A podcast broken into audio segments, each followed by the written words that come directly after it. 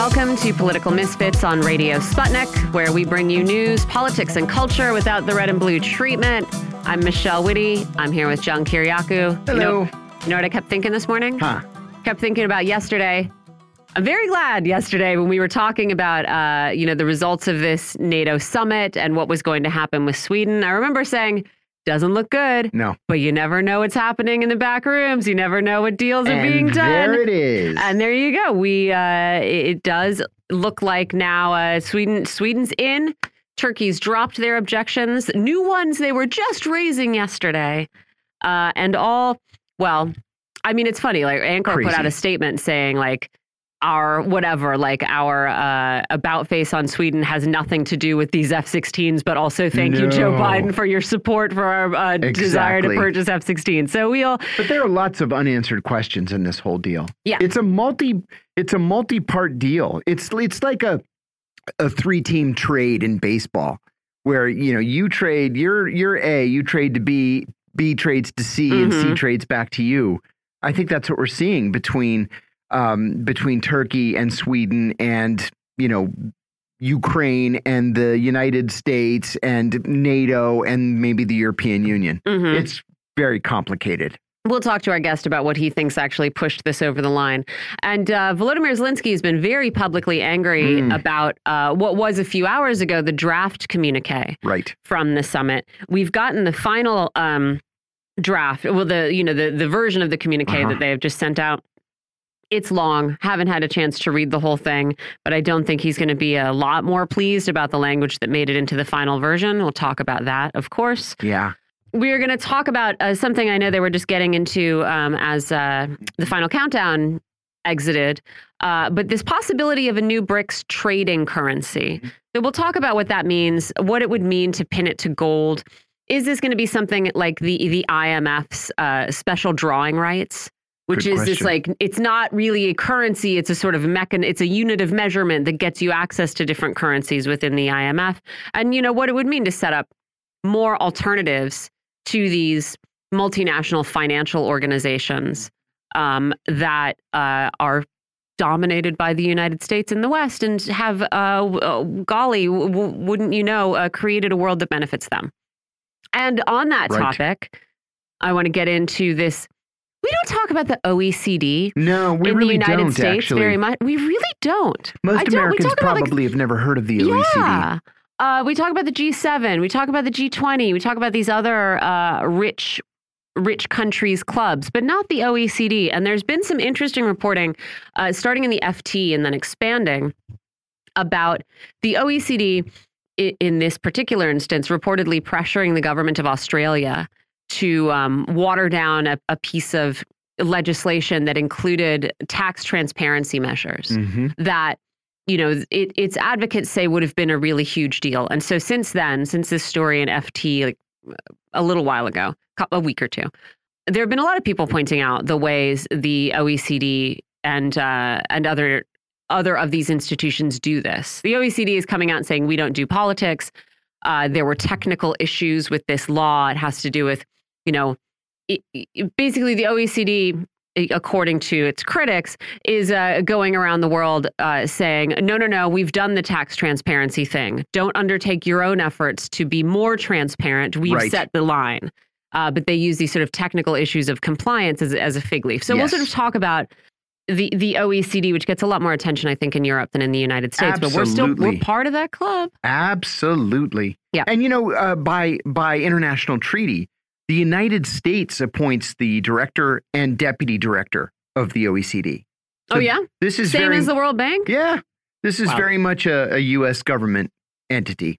But no, it's totally independent, John. Right. Yeah. Right. We're going to talk about um, this this guy, Gal Luft, who's been making these allegations of uh, um, bribery against the Biden family with regard to Right. China, uh, hit by a FARA charge, And a, an international arms sale charge. which is not the way to make this go away. No. And I mean, the arms sale charge, I sort of, it's like, okay, well, if you think this guy is like a bad arms dealer dude, I have no idea if he is or not, but like, sure, I can understand wanting to pursue justice.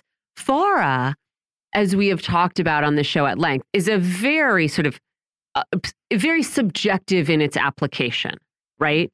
Who's who's violating or found in violation of these uh, FARA regulations or not? And so this is it's sort of like oh oh so you want this guy to get more attention, right? Right. Right. Seems an, an odd choice. This, but this we'll is see. one of those stories that's not going to go away for a couple of reasons. First of all, James Comer, the chairman of the House uh, Government Oversight, um, Government Operations and Oversight Committee, has latched onto this as as the issue that is going to bring down the Biden presidency. He is absolutely adamant that this guy, Gal Luft, has the evidence necessary to prove bribery on the part of Joe and Hunter Biden uh, vis-a-vis the Chinese government. Or is it the uncle? Isn't the uncle in And there the too? uncle. Joe The Biden's uncle is brother. also it's like Hunter and the right. brother. Yeah. Exactly. With that said, the initial the initial um, uh, press conference was also attended by Senator uh, uh, Chuck Grassley, who is like the whistleblower advocate in in Congress, in either house of, of Congress. After his initial showing his initial support, Grassley has dropped out, and three or four weeks ago told one of the Sunday morning talk shows that the evidence just isn't there. He hopes that it is, he said, but he's just not seeing the evidence. So he's dropped out. Comer keeps going forward. And Comer said yesterday that this is bigger than Watergate. It's going to bring down the Biden presidency. Okay, so Mm. lay out what you have.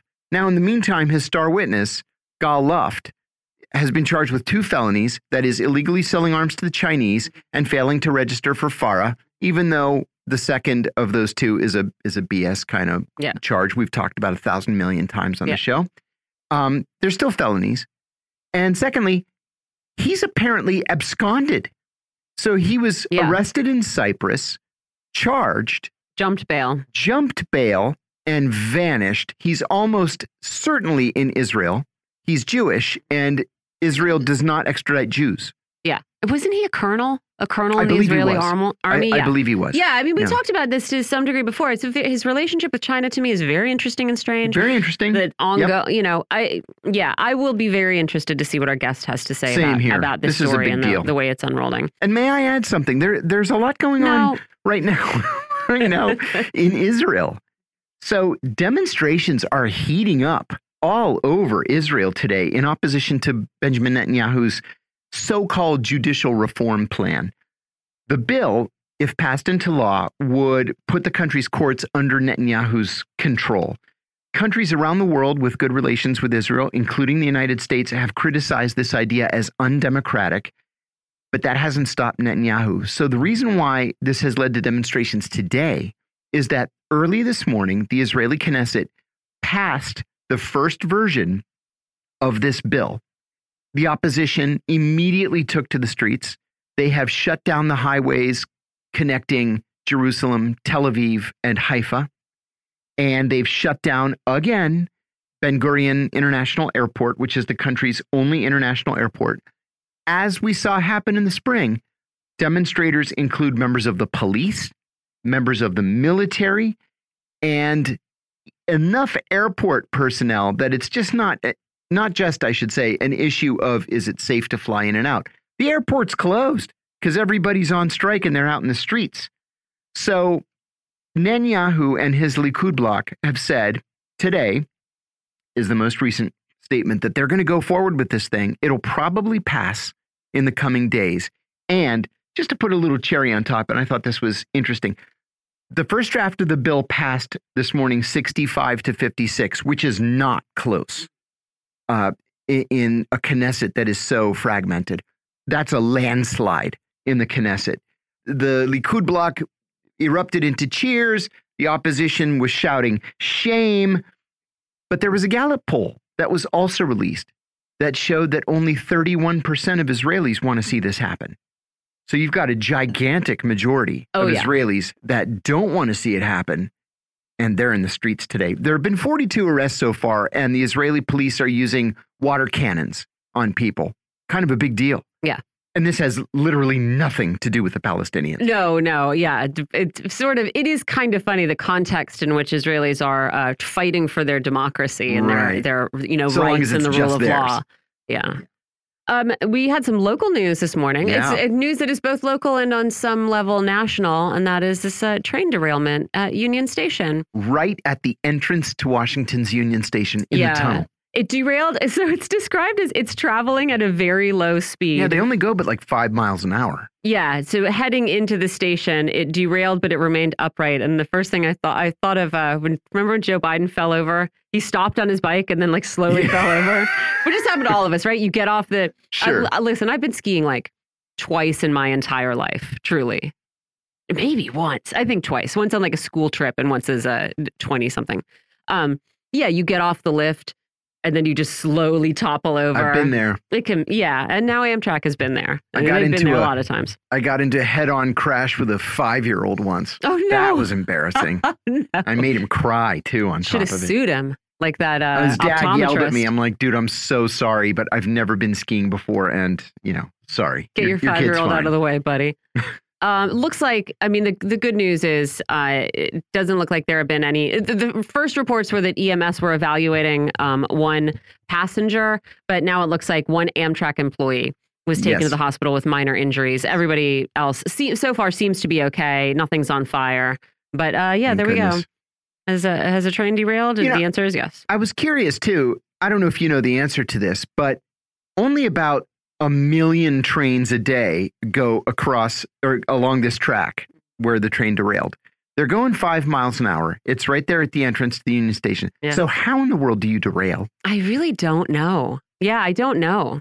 I don't It's- either. Yeah. crazy. I mean, it is one of the, I mean, I guess we'll find out. We need a whole new train system in this country. Yeah, we, we do. Oh, we are going to talk a little bit later. There's a couple other things that we're going to get to get into. Uh, we're going to answer the question on everybody's minds: Is exercise right wing? is it fash to be fit? We will get into it because there's there's been a. I mean, MSNBC uh, chose to rerun an opinion piece that basically argued this: that not that being fit is fascist, but that fascist networks are using gyms to recruit at, which, like, sure, may or may not be the case. But it does follow a sort of period of time where there's a lot of conversation about like body shaming, body fascism, exercise, and, you know, it follows Politico's uh, story yesterday about frenetic. Frenetic Fit Boy Summer Side Quest Uh-huh. Russian presidential campaign. Just put it on my tombstone. Frenetic Fit Boy Summer Side Quest. Um, so yeah, we, we'll talk about that. We have some we have some thoughts about it. Uh, the other news that I, I noticed today is um, oh well, it looks like there's good news for the Mountain Valley Pipeline, I saw which that. we've been following. Um, yeah, a, a Fourth Circuit panel has granted a stay, and it was unanimous. a unanimous stay in this Mountain Valley Pipeline case uh, about construction in Jefferson National Forest. So that's been halted. So good news for opponents of that pipeline.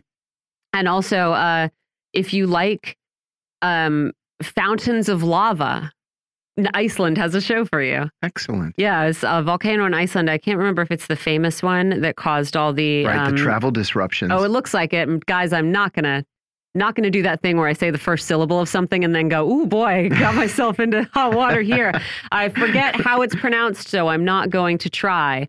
But uh, a fissure burst open yesterday, and lava fountains are shooting into the air. Very so, cool. is air traffic going to be disrupted? Mm, very possibly. Very cool. Yeah. Remember, it shut down like all transatlantic air travel for a while. Oh yeah. it was yeah. like September 11th kind of disruption. Oh, and you know, I, I will give the the New York Times a little bit of credit. It's still on the stories about. Um, remember, we talked a while back about the habit of rail companies one making their trains really long, Mhm. making them so long that they become less safe, and then parking them in the middle of towns and Yes. not moving them. So they've followed this up. They're they're continuing to report on the story and are noticing that, uh, or you know, they're reporting today that um, Congress isn't acting to prevent this practice because, uh, whoa, what do you know? Lobbying by wealthy Imagine. and powerful rail Imagine. industries. So, um, yeah, if you want to read more about that, they've got they got a story on it today. We might take a look at it tomorrow. I know we have our first guest on the line. Yes, he is on the line, so Shall we're going to jump right it? into it. Yeah. The NATO summit, of course, is underway in Vilnius, Lithuania, and there is already lots of controversy. All major news outlets are reporting today that Ukrainian President Volodymyr Zelensky is furious that NATO leaders will not set a timeline by which Ukraine can join the alliance. Zelensky said, I love the quote, that it is, quote, unprecedented and absurd that a time frame is not set for Ukraine's accession, unquote. Apparently, nobody has told Zelensky that admitting to Ukraine, admitting Ukraine to NATO, rather, would draw the alliance into a direct military conflict with Russia. Apparently, he hasn't figured that out, or more likely, that's exactly what he wants. The Turkish government said today that it was withdrawing its objection to Sweden joining NATO. Recep Tayyip Erdogan's announcement that he would submit the treaty to the Turkish parliament was momentous, but Erdogan also said that he would do so in exchange for the European Union, quote, actively considering, unquote, Turkey for membership. Apparently, nobody told Erdogan hmm that there was absolutely positively no way that Turkey was going to be accepted into the European Union while its military was occupying Cyprus, which also is a European Union country. Turkey has occupied Cyprus since August of 1974. With that said, we should also expect to hear an announcement from the United States that it will sell Turkey F 16 fighter jets. The Greek government had objected to the sale with the strong support of New Jersey Democratic Senator Robert Menendez. So there was a hold on the F 16s. The deal now looks like this Turkey lifts its objection against Sweden joining NATO. Turkey gets F 16s from the US. Greece gets F 35s from the US because of the Turkish F 16s. And Turkey pretends that it's being considered for membership in the European Union. So everybody's happy except Zelensky. Mark Sleboda is an international affairs and security analyst. We're always glad to have him. Welcome back, Mark, and thanks for helping us sort through this. John, Michelle, thanks for having me. It's always an honor and a pleasure to be with the political misfits. This is going to be fun, I think. So, the big news out of the NATO summit so far is Zelensky's public outrage at the draft final communique, which reportedly includes the statement that NATO, quote, will be in a position to extend an invitation to Ukraine when allies agree and conditions are met, which means never. Zelensky wants a clear timetable. Do you think he's going to get it? Because honestly, a timetable would be extraordinarily provocative right now. Zelensky is outraged and furiously acting. Yes, absolutely he is. This is all for the consumption of Ukrainians. Domestic political consumption, and it is the equivalent of a uh, child in a department store, if you are old enough to remember department stores, wandering through uh, demanding a toy uh, for uh, uh, shutting up and being quiet while the parents shop for something else, right? That, that this is what, what the equivalent of that is.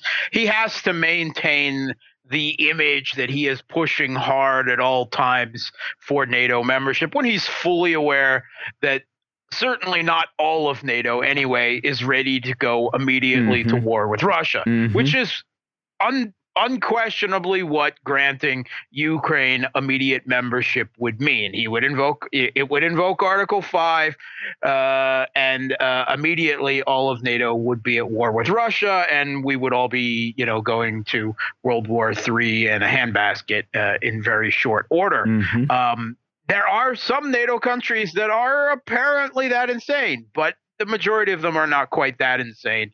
And Biden may be senile, but he is not yet completely brain dead. Uh, so uh, he is, along with Germany and several others, uh, you know, the ones that quietly put the kibosh on on that idea. Um, so um, the uh, I guess there was a victory, uh, a, a, a victory of sorts. Several bones were tossed uh, Kiev's way uh, over the settlement, uh, the deal that was act, worked out with Turkey, obviously behind mm-hmm. closed doors, that obviously also included Turkey handing over five uh, neo-Nazi commanders right. of the Azov battalion right, that were held there. Yesterday. This is obviously part and parcel of the whole arrangement. That was uh, that was obviously intended as a sweetener uh, for uh, Ukraine in all of this, where Turkey uh, essentially betrayed uh, a, a Russian brokered prisoner of war deal, where they were supposed to sit there, sit out the war there. Uh, instead, they were picked up by Zelensky, and you know uh, everything but laurel wreaths were crowned on their head as they were proclaimed the new neo-Nazi heroes of Ukraine and and brought back to much fanfare, which uh, you know helped bolster Zelensky domestically. Not not that Ukraine really has domestic politics right now, but he does constantly worry about morale and his regime's stability. Um, and um, you know, it, it's it's all part of the, what is obviously a grand deal, and I think you outlined it uh, pretty well. Um, at the end of the day, Ukraine, of course, is not going to be granted full membership, but they, at least they made the announcement that uh, membership action plan uh, whereby uh, the rest of NATO tailors out a list of political, economic, social demands of what you have to change to become a member. At the same time, they said conditions have to be met, which is another way of saying uh, there is a there will be a membership action plan, but you know it won't be as formal as as it was last time.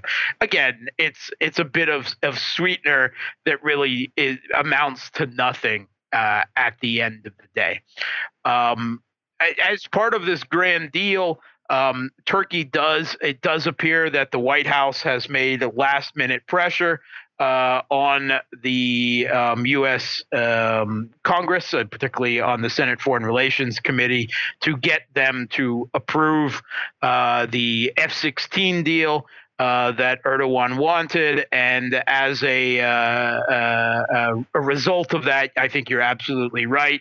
The part of the the backdoor deal is that that Greece will get the F-35s to compensate with questions about Greece's security against right. Turkey, which, right. despite them both being NATO members, is is actually a big thing.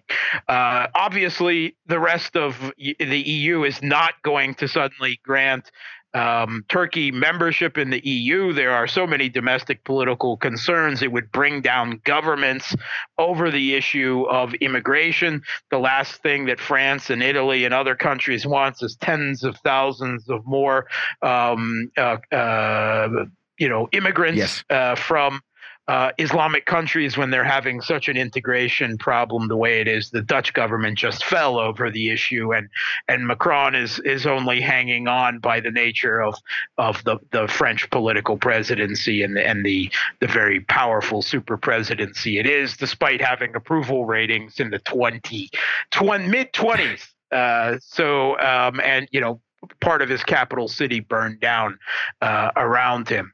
Uh, but I think you, it will be very likely that Sweden will be pushing hard for um, some type of uh, ease on visas uh, for Turkey and possibly for some customs deal and, and other economic deals. I'm sure something was promised by the EU on top of this F 16 deal.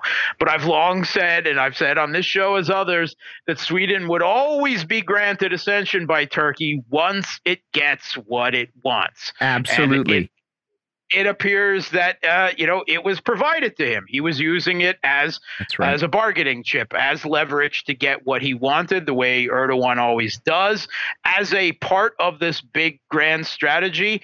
Um, also, uh, he announced that uh, uh Turkey will be building Bayraktar drones in West Ukraine. Um, they, will hmm. start produ- uh, laying the grounds for the facility apparently now, which I, I don't really understand because Russia is immediately going to target them. but um, I, it's got to be a, a, bit of money sloshing around because Erdogan's son in law is high up uh, in the firm, uh, you know, basically the top of the firm that that go. builds the Bayraktar. So a little bit of corruption and nepotism. um, Erdogan's family makes out good. Everyone makes out good. Everyone makes money. Sweden gets into NATO, and now the NATO summit can all you know backslap themselves about this mm-hmm. instead of dooming and glooming about how their proxy uh, offensive in southern Ukraine is smashing itself uh, into bits against Russia's defenses. Unity wins the day. Hey, sorry, is there anything exciting about this new? They hey, they announced a brand new body, the NATO Ukraine Council, where they're going to meet as equals. All right, so um, actually upgrading the uh, you know rhetorically the already existing NATO Ukraine commission to mm-hmm. a council. Woo! Yeah. Right?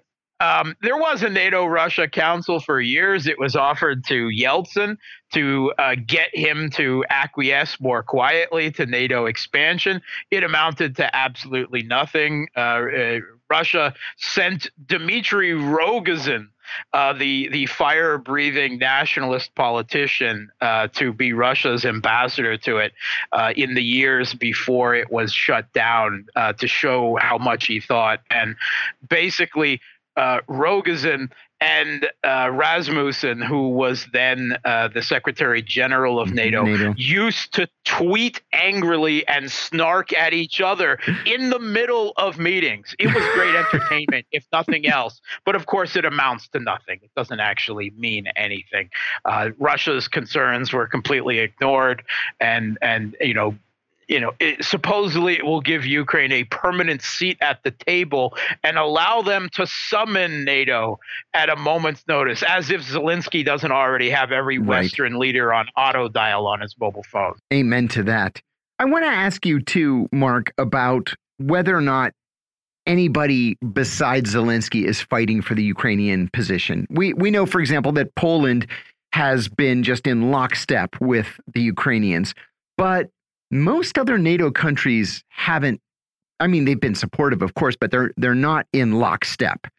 So, is anyone publicly pushing for Ukraine to be admitted to NATO right now, or is this, or or at a defined date even, or is this just something that that maybe the the Baltic countries, Ukraine, and Poland are are pushing for? I think most countries realize that they don't want to go to immediate war with Russia. Zelensky knows right. this, and his tantrum screaming is more about getting more arms and weapons and money uh, in order to shut him up over this.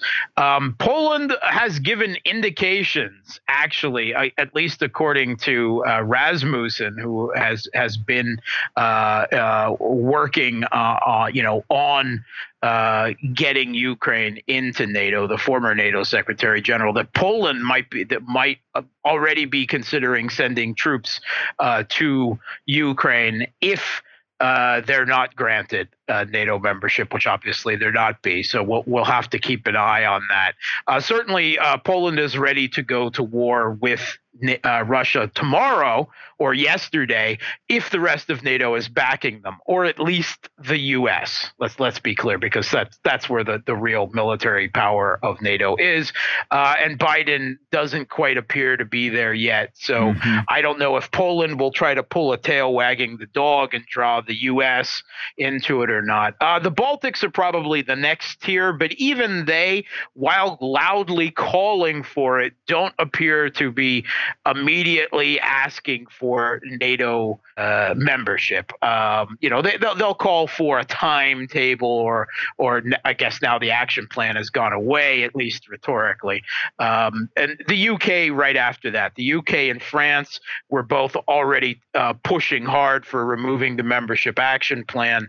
Uh, so uh, that's that's probably the next tier. Um, at the very opposite end of the spectrum, obviously, is Hungary, uh, yes. which has big problems with Ukraine because uh, uh, of its treatment of the ethnic Hungarian minority in Transcarpathia, um, Zakarpattia, and they've basically been heavily forcibly conscripting the ethnic Hungarian minority and throwing them into the battles into the front lines in what many Hungarians call an ethnic cleansing program. Uh, so that is, uh, you know, part, at least part of the reason, other than the fact that it appears that Orban is the only statesman in Europe who adheres to uh, a framework of realism in international relations, which you know sets him completely apart, even when you know you're talking about the framework that he looks at international relations. I have got to ask you about this situation between Greece, Turkey, the U.S., et cetera, et cetera. So, as we noted, the Greeks get their F 35s. Bob Menendez lifts his hold on the Turks getting the F 16s. That, that's fine. Everybody's happy. Erdogan sends uh, sends Turkey's um, acceptance of Sweden to the Turkish parliament, where it's going to pass. Again, everybody's happy. Rubber stamp. Rubber stamp. But what do you think the chances are of a grander deal? Now, Erdogan is telling the Turkish people that part of this deal is that Turkey will be considered for EU membership. Now, we know that that's not going to happen. There's no possible way that Turkey would ever be admitted to the European Union, at least so long as they continue to occupy Cyprus. And even if they weren't occupying Cyprus, a lot of countries just don't believe that Turkey Turkish membership in the EU would be beneficial to the EU. With that said, can you see the possibility of a grand deal where now the Greeks have a stable government that was just elected, the Turks have a stable government that was just elected, uh, the Swedes are coming into NATO, uh, the Turks have their F 16s, the Greeks have their F 35s, and now they can sit down and talk about peace in Cyprus after all these years. It's almost 50 years. Do you think that's a possibility? I, am not going to completely discount it and say it's impossible, but I, I think the limits of, of how far Erdogan is willing to bend over backwards are done. The uh-huh. it's not. I don't think that uh, the EU refusal to admit Turkey is even primarily about Cyprus. Mm-hmm. I'll be mm-hmm. perfectly honest with you. I think it is far more about tens of thousands of Turkish migrants in European countries. That is what they don't want. Agreed. And that's why the Turks would have such problems with the Germans. Yeah, it would be political suicide for uh, any European leader who pushed for it, who at least, you know, are the countries that would receive this in this, you know, influx yeah. of Turkish uh, migrants, immigrants, however you want, you know, want to uh, phrase it, as soon as Turkey was brought in. So I, I don't I don't see that.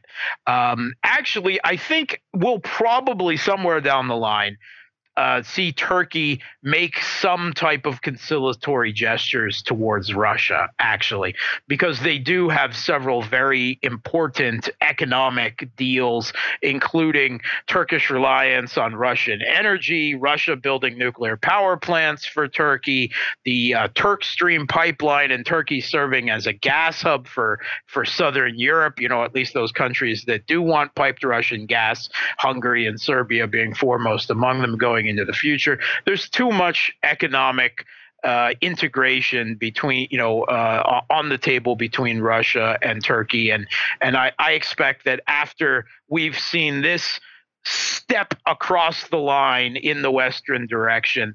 I think you'll probably sometime in the next six months or so Erdo- see Erdogan take a teensy tiny little step uh, you know, gesture back towards the Russian side to make sure the Russians uh, don't get too upset over all of this because that is Erdogan's game. He's played that balancing game to Turkey's benefit or at least his own benefit so well. I don't see him giving up on it. Um, and Cyprus is is also very very big domestic political problem. Uh, he's already uh, you know put his his uh, reputation on the line by bringing in Sweden after Sweden has greenlit the burning of Qurans right in front yeah. of the Turkish embassy. Right. That's not actually not going to play well with Erdogan's base. Luckily, he's not facing immediate reelection. Can I ask you to uh, to elaborate on that a little bit, Mark? What because the Russian government was you know, it issued a statement expressing some upset at uh, Turkey's decision to, uh, you know, in, in, Russia's view, violate this agreement yes. that it had entered into and return these five Azov commanders to Ukraine. So I wonder what you think. What you think it's going to take for for Turkey to repair that relationship, and if it can, uh, you know, continue to be you know something of a of a deal broker in this conflict at least you know deals like this black sea grain deal these prisoner exchanges not a peace negotiator I think it is more about Russia's underlying economic relationship with Turkey. Actually, Russia has done two things in recent days that some Russian analysts are looking at that helped encourage uh, Erdogan to basically stab Putin in the back over this. One, Russia is annulling the grain deal or, or simply not renewing the grain deal. Obviously, the conditions that were supposed to be met, removing rest- Russian Western restrictions on Russia's ability to get its fertilizers and grain to the world market, um, which Russia is the biggest exporter to the world of both of those, have you know there's been no movement on that whatsoever. There was never going to be any as part of the grain deal because the signatories were Turkey, the Ukraine, and the, the NATO, uh, the UN secret, uh, uh, Secretariat, not the West that put on the sanctions. So they never had any ability to do that anyway. Um, but Russia has indicated it's definitely not going to renew it this time. Um, we'll have to see on that.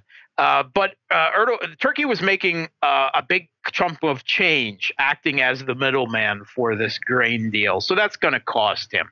Uh, secondly, Russia and the Syrian government have stepped up airstrikes and military action in northern Syria uh, in recent weeks against the uh, not against the Turkish military occupation directly, but against the tens of thousands of jihadist proxies that are still on Erdogan's payroll as his proxies for the occupation of North Syria. Um, and so that is another thing that may uh, have beat them. But Russia and Turkey continue to manage these. shall we say military issues and keep them separate somehow from economic relations and manage to keep their delicate balancing act i like to imagine it as Putin and Erdogan waltzing across a chessboard, arm in arm with daggers poised at each other's back. Huh. It continues. There you go. Very graceful. What? I'm sorry. Go ahead. oh no, I was just going to ask. I was going to ask what these F-16s are going to mean for for Turkey, also, right? Like, wh why have they wanted them so badly? What is it? What yeah. is it going to mean for Turkey? And again, like, I don't know when. As far as I can see, the the the promises aren't hundred uh-uh. percent. They're not explicit and formal, but of course, this is what everybody expects. So I don't know what to think the timeline will be. But uh, why does Turkey want them so bad? What, what are they going to mean for Turkey? Okay, actually, uh, they obviously wanted a more advanced fighter. They wanted the F thirty five. Um, but uh, their purchase of the S 400 uh, made the U.S. put a definitive no on that but they have a very aging Air Force, mostly F 16s and older U.S. supplied aircraft um, and, and, models. And uh, the deal would actually be to modernize about 80 of their existing ones and purchase a large number of new ones. What does Turkey primarily use the F 16s for? Uh, killing Kurds. That's killing Kurds in Turkey, in Iraq, in Syria. That's what he used them for. And for his purposes, F-16s are good enough for that. To be perfectly honest, uh, he he wants some more capability, uh, but that's primarily what they will be used for. And and you know they, they are aging, and Turkey is a country with with military and you know you know at least regional ambitions, so they need to keep their military upgraded to a, a certain degree, and and their air fleet really is aging at this point. Mark Sleboda, thanks for joining us. Mark is an international affairs and security analyst based in Moscow. We've got a minute to take a to take a short break, so we're going to do that. You're listening to Political Misfits right here on Radio Sputnik. We'll be right back.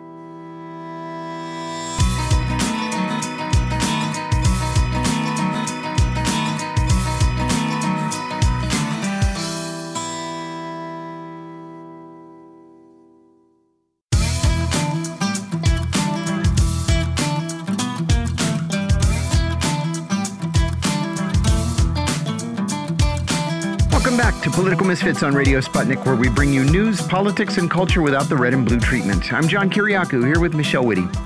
We told you yesterday about a potential defamation lawsuit against Fox News and former network personality Tucker Carlson that is expected to be brought by Ray Epps, a participant in the January 6, 2021 riot at the Capitol, whom Fox and Carlson accused of being an FBI plant. Epps egged on other protesters into storming the Capitol, although he himself did not enter. And although he was questioned by the FBI and by the House January 6th committee, he was never arrested, and the transcript of his testimony was never made public. That led Carlson and others to conclude that Epps was either an undercover FBI agent or was working on behalf of the FBI to worsen the situation that day. For his part, Epps has steadfastly denied any involvement with the FBI, He received so many death threats that he and his wife had to move into a motorhome and drive around the western United States for their own safety. Now he says that Fox News and Tucker Carlson ruined his life and that he will take to the courts. The New York Times and the Washington Post today say that he has a case. We're joined from Minnesota by Coleen Rowley. Coleen is a former senior FBI agent and is a renowned whistleblower. She was Time Magazine's Person of the Year, along with two other whistleblowers in 2002. Coleen, great having you back. Thanks for joining us. Yeah, thanks, John and Michelle. Thank you. Coleen, so many of us have questions about Ray Epps, although those questions may really be more closely related to FBI procedure than they are to Ray Epps as a person. So let's begin with this. Ray Epps was a participant in the January 6th riot. Although he did not enter the Capitol building, he encouraged others to do so. He also claims that he then tried to prevent rioters from attacking police.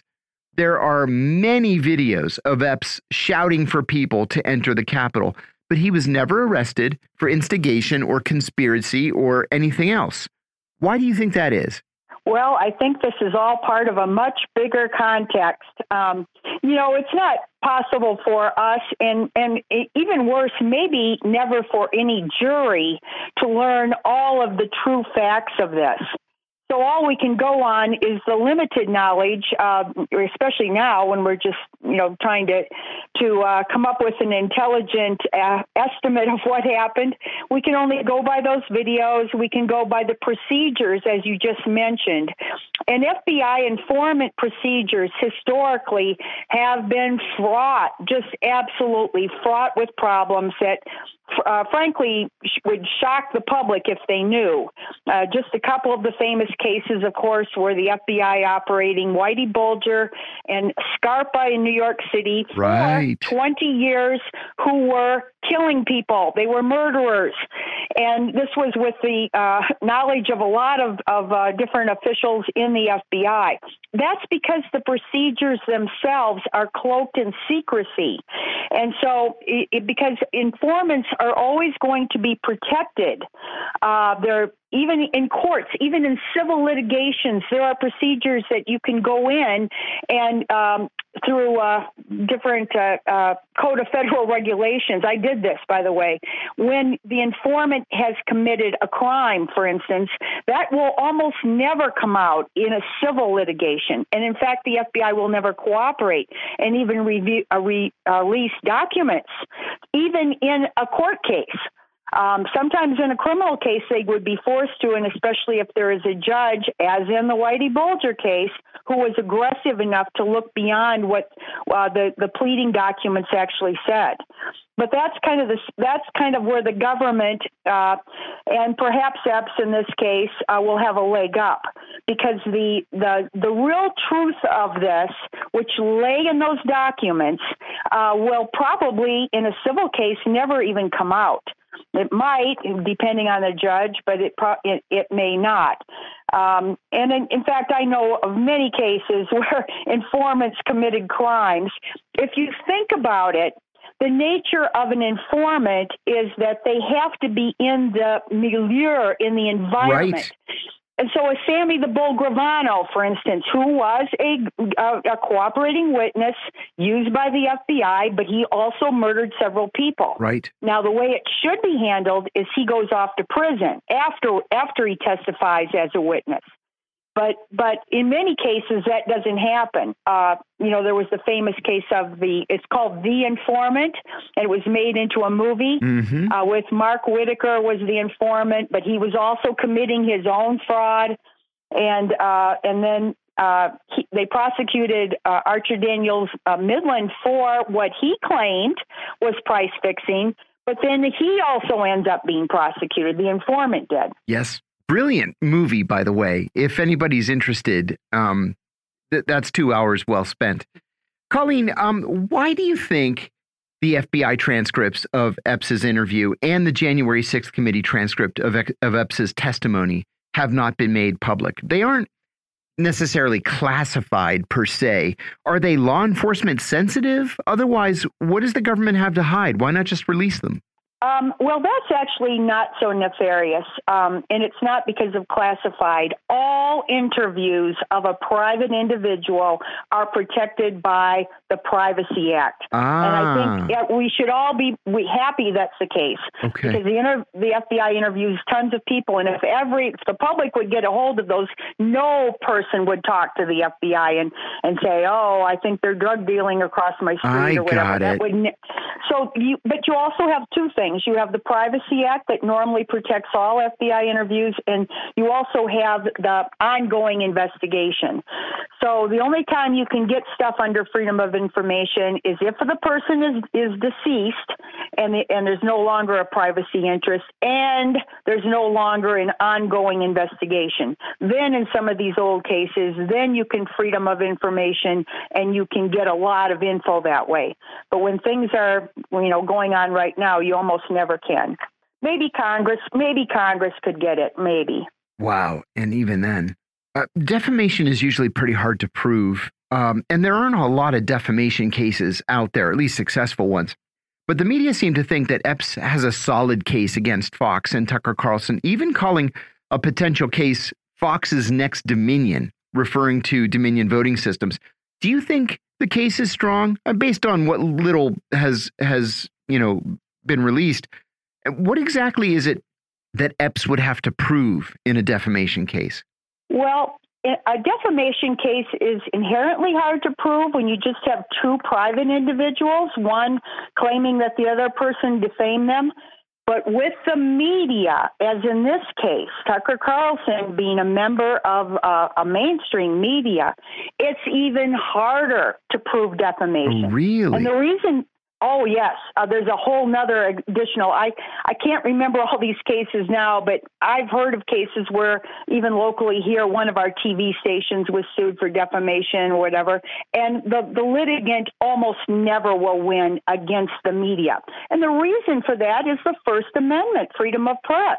We have to give extra leniency to a, a journalist or a member of the press to sometimes be wrong. Otherwise, we're going to uh, we're going to hurt, you know, uh, hurt our freedom of press because then the, the reporters and the journalists would be afraid to report anything. They're all they're wrong all the time. Ask Chris ask Chris Hedges next time you talk to him. He will, you know, admit that he was wrong a lot.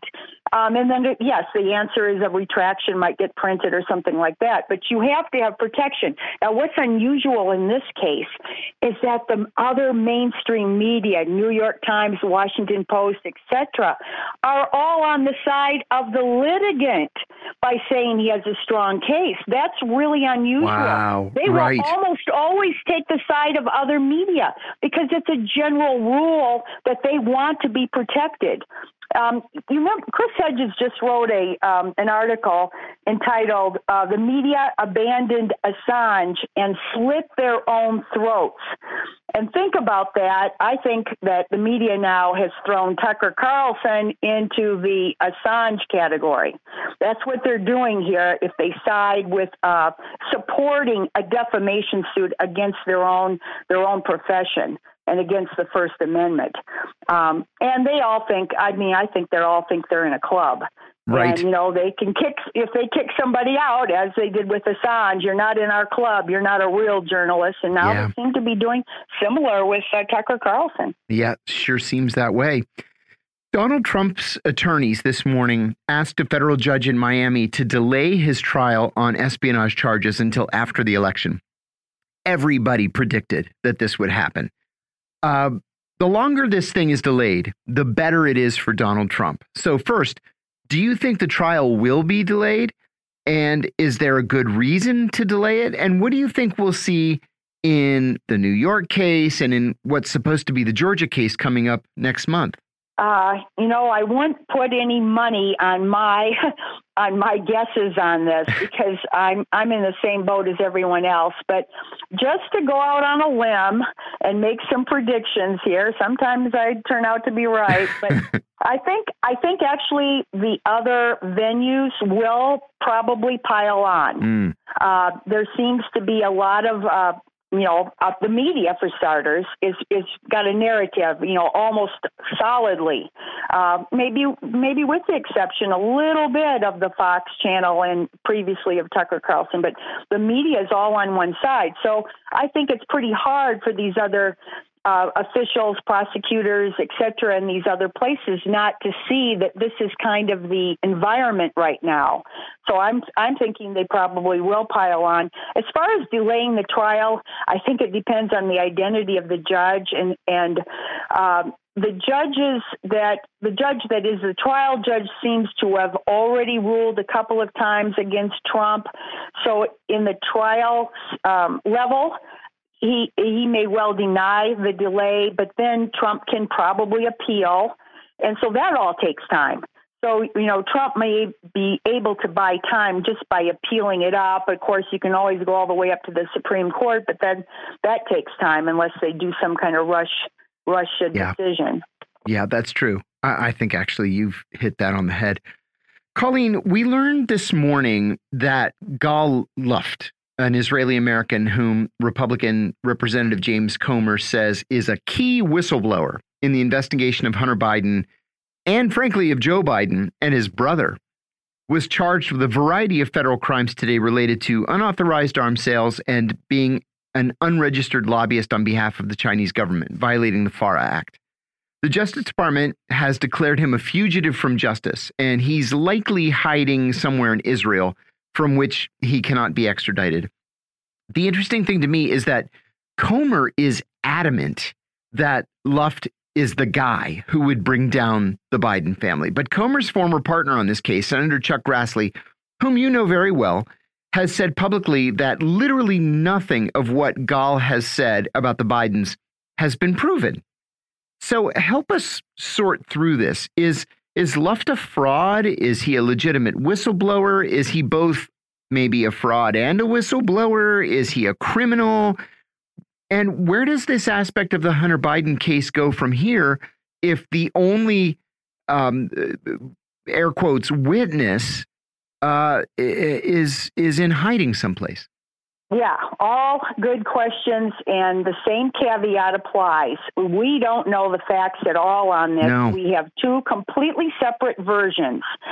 And uh, given the context now of all of the um, official, we can make our own reality and Russiagate and and Chris the Steele dossier and on and on and on. I mean, there's so much of this now that you can hardly even list it anymore uh, of a, official misinformation and then turning around and accusing everybody else of misinformation. So, given that context, and then uh, Gal himself has gone and uh, and has done a video in just a few days ago. Right. Um, that's on the New York Post. His version is very different. This does seem like it could be something like the Mark Whitacre informant movie, where you know um, if if Gal was a part of this, it had some involvement where he knew of the Bidens receiving money. Well, he might have been you know you know, part of it too. He might have been somehow involved. And so then the government uses that to selectively uh, put these charges on him. It could have been something like that. It's hard to say. In kind of my guess, maybe it is a little bit of both. Um, but uh, the one thing with Gal, he says in his New York Post uh, video that um, first of all, he says uh, Israel. He goes, well, if I was in Israel, why didn't they just extradite me from Israel? Good one. Starters, it is very problem. Extradition from Israel is extremely problematic and tangled because there's supposed to be a treaty, but Israel decided that their own citizens couldn't be uh, extradited. That's right. And I don't know for sure of the citizenship status of Gal. So he th- Gal seems to think he could have been extradited. It's what he said in his interview, at least. And then um, the other thing here is that going back to this, could he says in there, why don't uh, why doesn't why don't we just release all of the info that I originally gave to the FBI? He was in an interviewed by six, uh, four agents in Brussels about all of this Hunter Biden's, um, uh, you know, taking money from Chinese sources, etc., Chinese energy company, whatever it is. And he says, why don't you just release all of that? Well, guess what? He can authorize the release of that in, in terms of a privacy act. Sure, you just waive the Privacy Act. He can waive it. Yeah. Yes, unlike unlike uh, Epps didn't want to waive his, Right. you know, privacy. So yeah, so there's there's some interesting parts of this, and I just don't think we know it all. Um, it's hard to say, with especially with all of the history that we've been through these days. Finally, Coleen, we've learned that Ukrainian President Zelensky asked the U.S. to help quash what he views as anti Ukrainian content on Twitter. Think Aaron Mate or Max Blumenthal having posts or articles struck from the site. Apparently, the FBI was asked to liaise with Twitter on this. So, first, is the White House going to be called to account for this? And second, is it is it legal or ethical for the FBI to be involved in taking content off of uh, American social media sites? Well, it's my understanding that um, Ukrainian uh, intelligence sources or whatever actually sent a list of specific individuals and maybe websites or whatever uh, through the um, FBI attache or through the embassy, the U.S. embassy, directly to the FBI, and that it was in fact forwarded to Twitter. So it wasn't like they were asking to liaise; they They actually just did it. but, yeah, they did it, but it was Twitter who said, "Oh, look, Aaron Mate's on the list, and he's a, he's a, a Canadian journalist. You mean we're supposed to censor a Canadian journalist?" And that's where it ended. And I, you know, heaven knows if the White House was a part of this, although they're they're bending over backwards to do everything uh, to obviously to support uh, Ukraine and Zelensky. So it, maybe they knew, but I have a feeling that this probably just slipped in to a larger list and the FBI just assumed, well, anything the Ukrainians are telling us, it must be. And it was, it was said to be misinformation. That's what, why they said that Right. it had to be censored. And that's what Europe is doing now. They're going to pass a law saying everything we decide is misinformation will be censored.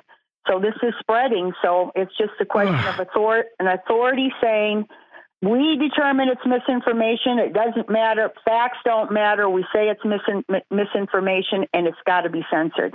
And apparently, Twitter has acceded to that request in Europe. Uh, that's that's really the sad part. It's it's not legal. Uh, obviously, if you have a First Amendment, I mean, we that ends. Of, you know, when when Chris Hedges said slit the the, the uh, media is slitting their own throats. That's exactly right. This ends the First First Amendment's over. I'm sorry that we have to wrap it up there. That was the voice of Coleen Rowley. Coleen's a former senior FBI agent and a renowned whistleblower. She was Time Magazine's Person of the Year in 2002, along with two other whistleblowers. You're listening to Political Misfits on Radio Sputnik. Stay tuned. We have another hour of news and talk. Stay with us.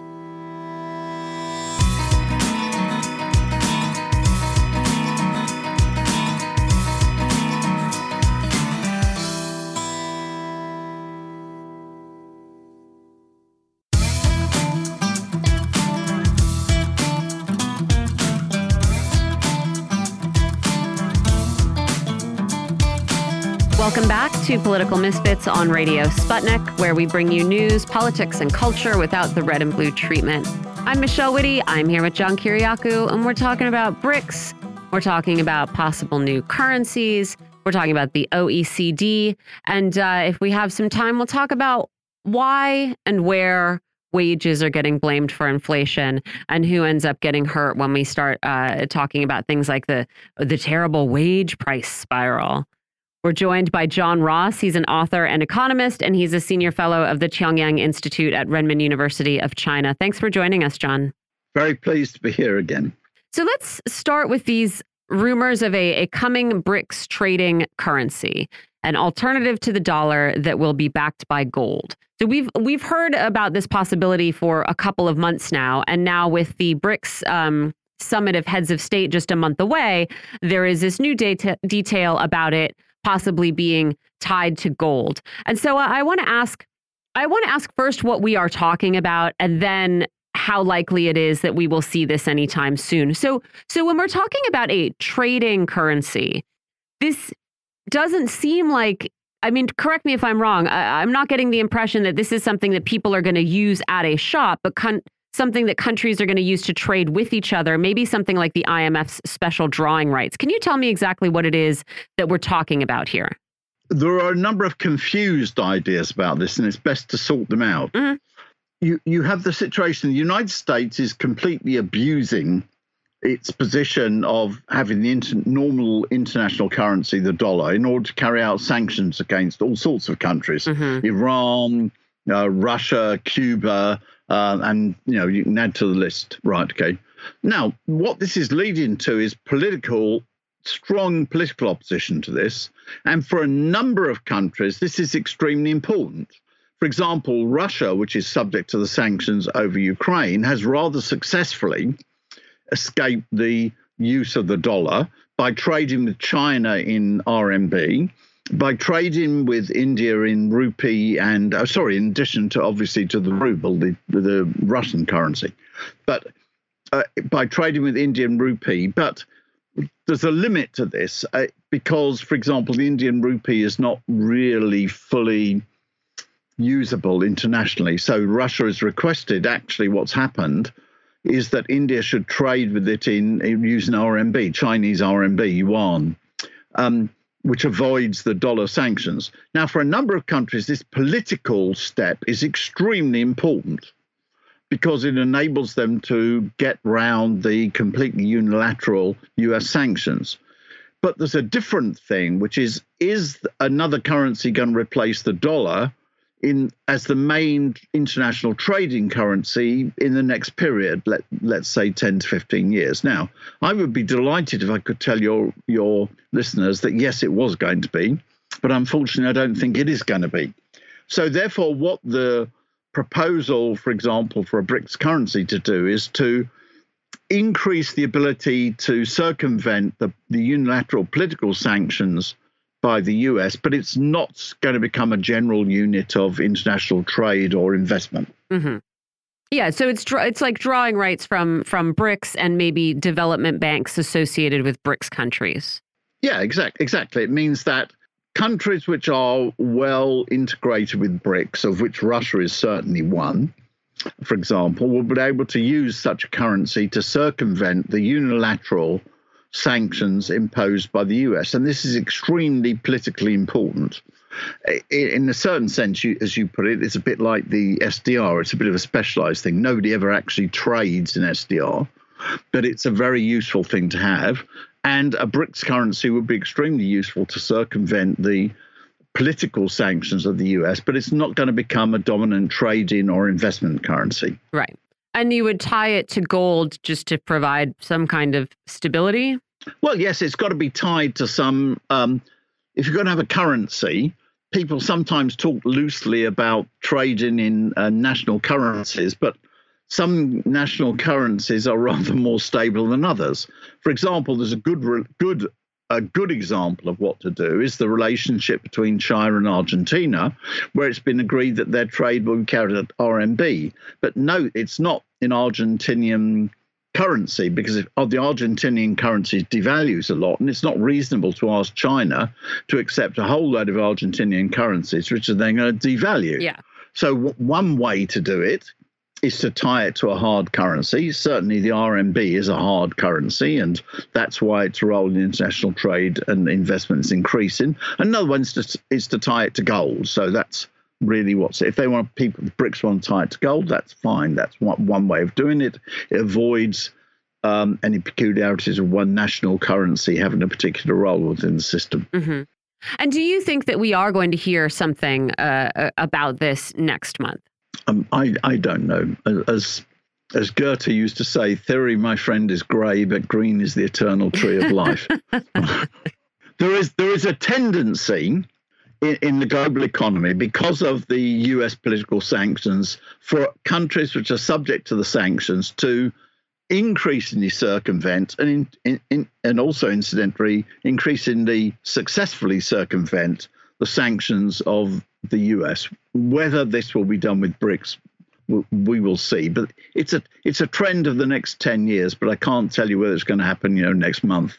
I do also want to talk about this uh, little story about the OECD reportedly pressuring the Australian government to drop a part of a new finance bill that would have required some big multinational companies to publicly disclose their tax bills country by country so people can see where they're paying their tax and how much they are paying. People who supported this aspect of the bill say it would have been a huge breakthrough in tax transparency. And the Financial Times, which I believe was the first to report this story, said the OECD said that the aspect of this bill would have undermined the OECD's own efforts at bringing transparency to global tax and trade. And I, um, I want to talk about this this Australian story, but also to talk about this like uh, the OECD is sort of a larger phenomenon because it is, as John and I were saying, it's one of these rich nations clubs that doesn't get a lot of press in the United States. And so, to just start by by helping people understand what the OECD is, uh, the State Department calls it uh, a unique forum where the governments of 37 democracies with market based economies collaborate to develop policy standards to promote sustainable economic growth. And I just wanted to ask, John, if there's anything you would like to uh, subtract or add to that description. Well, the whole thing about democracy is completely irrelevant. They, they don't pursue that. What it is is it, it is a club club of uh, countries which have got high per capita GDPs. You can call them either the advanced economies if you want to use Western, Western terminology. You can mm-hmm. call them imperialist states if you want to use Marxist terminology. But anyway, they have high high GDP per capita. Right. Okay. Right. They are, they are the reason they're worried about the Australian thing is they have no legal make power at all. If mm-hmm. the OECD says it would be a good idea to be more transparent, they can't make a law that compels it. Whereas Australia can make a law which says, you know, if you want to do trade in Australia, you've got to declare this. And that's why the OECD is against it, because the OECD is trying to cover up what is the real tax position. It's not trying to it's not trying to clarify the situation, it's trying to obscure it because mm-hmm. that's the difference. The, the, Australian law, even Australia is not the most powerful state in the world, but nevertheless it has a legislature and it's not completely irrelevant. Mm-hmm. It's got teeth. It says if you want to trade in Australia, you've got to declare this. And whereas the OECD can merely say, oh, well, we'd like you to be nice and tell us what you're doing or something like that, which has no effect at all. Mm-hmm. So if if what the OECD is trying to do actually has no effect, then what is the OECD trying to do? You know. Well, the, OE, the OECD is what is trying to do is to calibrate or coordinate the activities of the most important imperialist, uh, high advanced economies, however you want to describe them, um, economies, because they've got certain interests which are common and certain interests which are contradictory.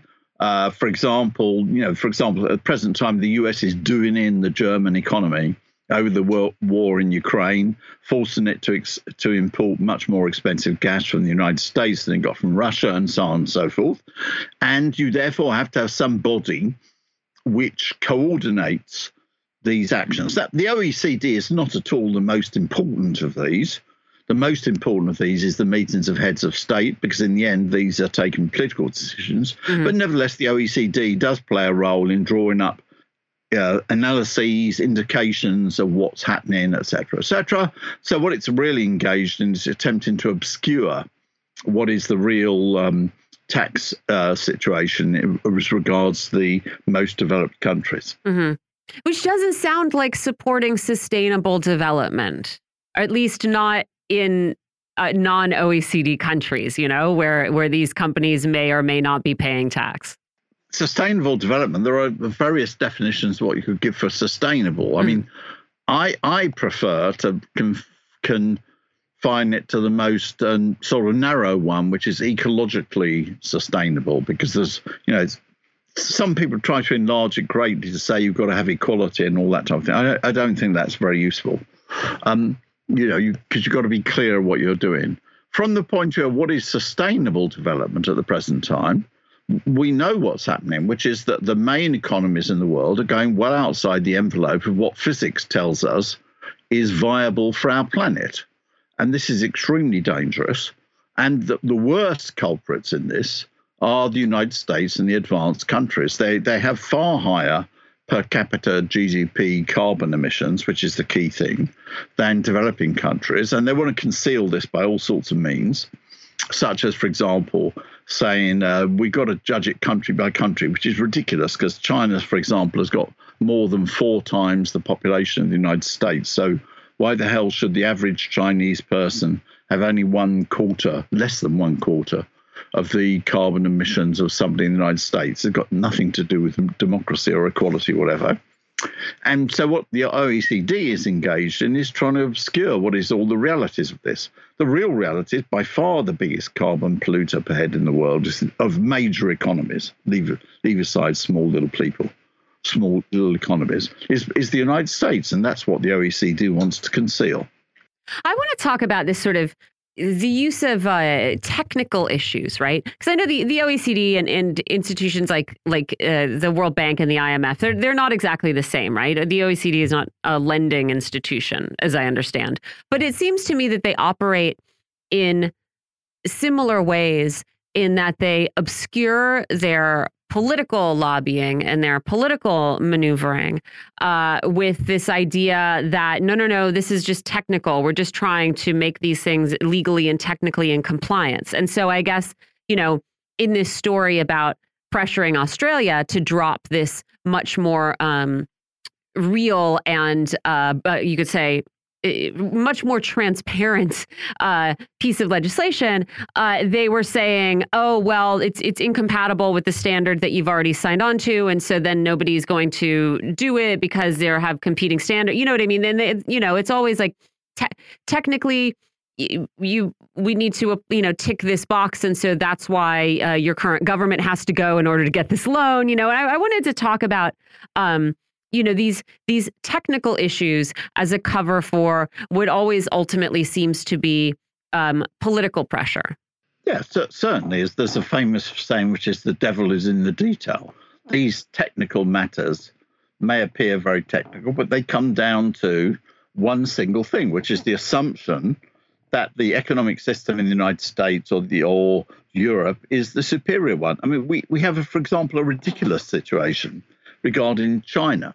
Um, China is by far the most rapidly growing developing economy in the world. Now, any any normal person would say, "Oh well, this is the most successful economy in the world from the point of view of development, so we've all got to copy it." Yeah. But that would be disastrous from the point of view of the United States because it's a socialist country. So instead, we have a situation whereby they say, "Oh no, no, no, no, very, very bad. China is leading the race. China is doing much better than everybody else."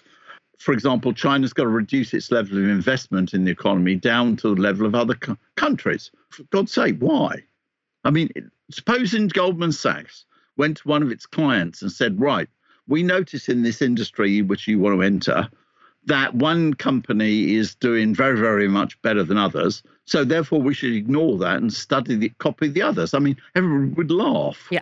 But but this is what what it what it is. It, it's an assumption of let's say, advanced capitalist white supremacy, to put it in a mild way, the belief that they're correct when the things are ridiculous. Why on earth should China adjust to less successful economies? This is absolutely ridiculous. Mm-hmm. But but that's actually what the OECD or the IMF um, proposed. If you read, because I have to do such things for my job, you know, if you read the read the fine print of Goldman Sachs, that's what they propose. They propose that China should become more like the United States, in which case they find out that China's economy will grow down, will slow down greatly, which is not a surprise because China's economy grows much more fast than the United States. So obviously, if China's economy became more like the US, it would slow down greatly. But why, why on earth should China accept that part? It's absolutely ridiculous. It's a sort of you know, we are we are supreme. Uh, everybody's got to adapt to us. We can't even envisage that somebody else is doing it better than us. It's a sort of that's why I'd call it sort of white supremacist economics. Maybe uh, China's maternal mortality rate is too low, and they'd like to spend the next uh, 20 years raising it up to the uh, the level of the United States. Maybe that's a that's a change it could make. Yeah, life expectancy. I mean, one yeah. of the most astonishing things at the present time in the world is normally life expectancy is very closely correlated with GDP, per, per, GDP per capita. because, as you would expect, you can spend more on health, you can spend more on education, other things. What's stunning at the present time is life expectancy in China is higher, although it's a developing country, is higher than the United States. Mhm. If there was any honest debate taking place in the United States, say, my God, what is happening? We've got a situation now where China, a developing country's life expectancy is almost two years longer than the United States. Where have we gone wrong? What is responsible for this? Uh, how did this develop, etc.? These would be the type of things which are being discussed in any serious debate, and instead, no, no such d- debate is taking place. Much, much to the disadvantage of the American people, whose lives have been short, shortened. They've been slaughtered by the wrong policy on COVID, and they're, then they're being told that they stand up for human rights, except they're going to die younger than other people. It's just horrifying. It really is. It's one of the things that I mean, we've mentioned this on the show before, but um, you know, I mean, ultimately, if this is all to sort of pressure countries to uh, accept the terms that that we want, right? The terms that that we want to sort of uh, exploit you and exploit your resources and and your labor, or uh, to trade with you and and to reshape you in our image. And it's just not an image that I think anybody should really be aspiring to. Certainly not countries that you know certainly not a country like China right certainly not countries in in Europe and you, you know maybe you would hope it could be sort of a stepping stone along the way to to better development and, and equality and prosperity for countries that are you know of course not as developed as the United States with poorer health outcomes with um you know uh you know, the- less uh, opportunity for their citizens but like as an end point absolutely not Let- Let's just take the period, the last three years during the COVID pandemic, for example. Mhm. Right. China's economy grew two and a half times as fast as the United States and six times as fast as the European Union. Why on earth should China adjust to the US? I mean, I'll, leave aside, which I regard a matter as even more important than uh, the question of economic growth, which is that if China had had the same per capita deaths in the US as um, as as as occurred in the US, it would have four million people dead. So therefore, the China's COVID policy saved four million lives in China. But even if you take it at the much more narrow economic level, why? As China's economy has grown two and a half times as fast as the US and six times as fast as the EU. Why on earth should China adopt adapt to being uh, like the US? Instead, if you had honest headlines in the US, they'd say, you know, why the US needs to learn from China. Uh, you know, why is the why is China growing so much more fast than us? Why are the Chinese living longer than us? You know, th- these will be the type of honest uh, headli- headlines in the US. But of course, they can't take place because that would be to violate the uh, continual assumption and phrase of which the US must be first, which is absolutely complete rubbish if you look at the facts. I know also that you were you've just come back from China, and the United States is is in the midst of uh, a pretty big diplomatic push there. We had the CIA director visit in May, the Secretary of State visited in June, uh, Janet Yellen, the Treasury Secretary, was just there last week. Uh, John Kerry, Joe Biden's climate envoy, is visiting next week, and I think it's expected that the Commerce Secretary will visit before the year is out, possibly before the summer is out some of this is, you know, being linked to the fact that relations were uh, in a very dire state, and that is a dangerous situation. This is also being linked, of course, to the 2024 elections in the United States. And so I wanted to ask, you know, what what China's assessment of this diplomatic push is, and and whether you think. You know, the, the, the United States is really interesting and engaging, or if the United States is, you know, the Biden administration is just trying to get better optics for the 2024 election? I would be very confident in saying that China judges people by their actions, not by their talk. Right. China's position is simple it's having a very successful economic development. It's gaining by uh, international trade, uh, economic cooperation. It would like to have good relations with the United States, as it would like to have good relations with every country. Right. On the other hand, it was the United States that decided to pick a fight, and in which case China is going to defend itself. And in that defense, the defense of China against the US has been much more successful than the US offensive. As I said, China's economy has grown two and a half times as fast as the US during the COVID. And um, the actual trade between China and uh, Russia has increased despite um, Trump's tariffs. It doesn't want this. It says this. It, it characterizes this as a lose-lose. Now, it's it's absolutely true that the U.S. loses more than China. Yeah, but China doesn't want to engage in a lose. China would like to engage in a win-win, hmm or, or you know, it, it would like to gain out the situation. And at the moment, I'm afraid, the US has offered nothing serious to do this. It hasn't reversed the Trump tariffs. It is continuing with the chip wars, that is, the sanctions. It's continuing to make provocative statements around uh, Taiwan. And I don't think, therefore, it, its actions have got nothing to do with being friendly. And I think China's attitude is reflects that. I, I, I would give okay, this is this is totally unofficial. Uh, the Chinese authorities n- might not absolutely disagree with it, but I thought, for example, with Blinken uh, visit, it was very characteristic. He he spent seven hours with the with the top heads of uh, China's foreign policy. That's a very serious discussion. That means we're having a very serious debate about discussion about that. He spent 35 minutes with Xi Jinping, hmm which meant you have put forward nothing. uh, This is my interpretation, not China's. Okay, I'm not going to snub you. I'm not going to create an international incident by not seeing you, but you haven't put forward anything which is so serious that I, the head of the state, have to decide a decision on this.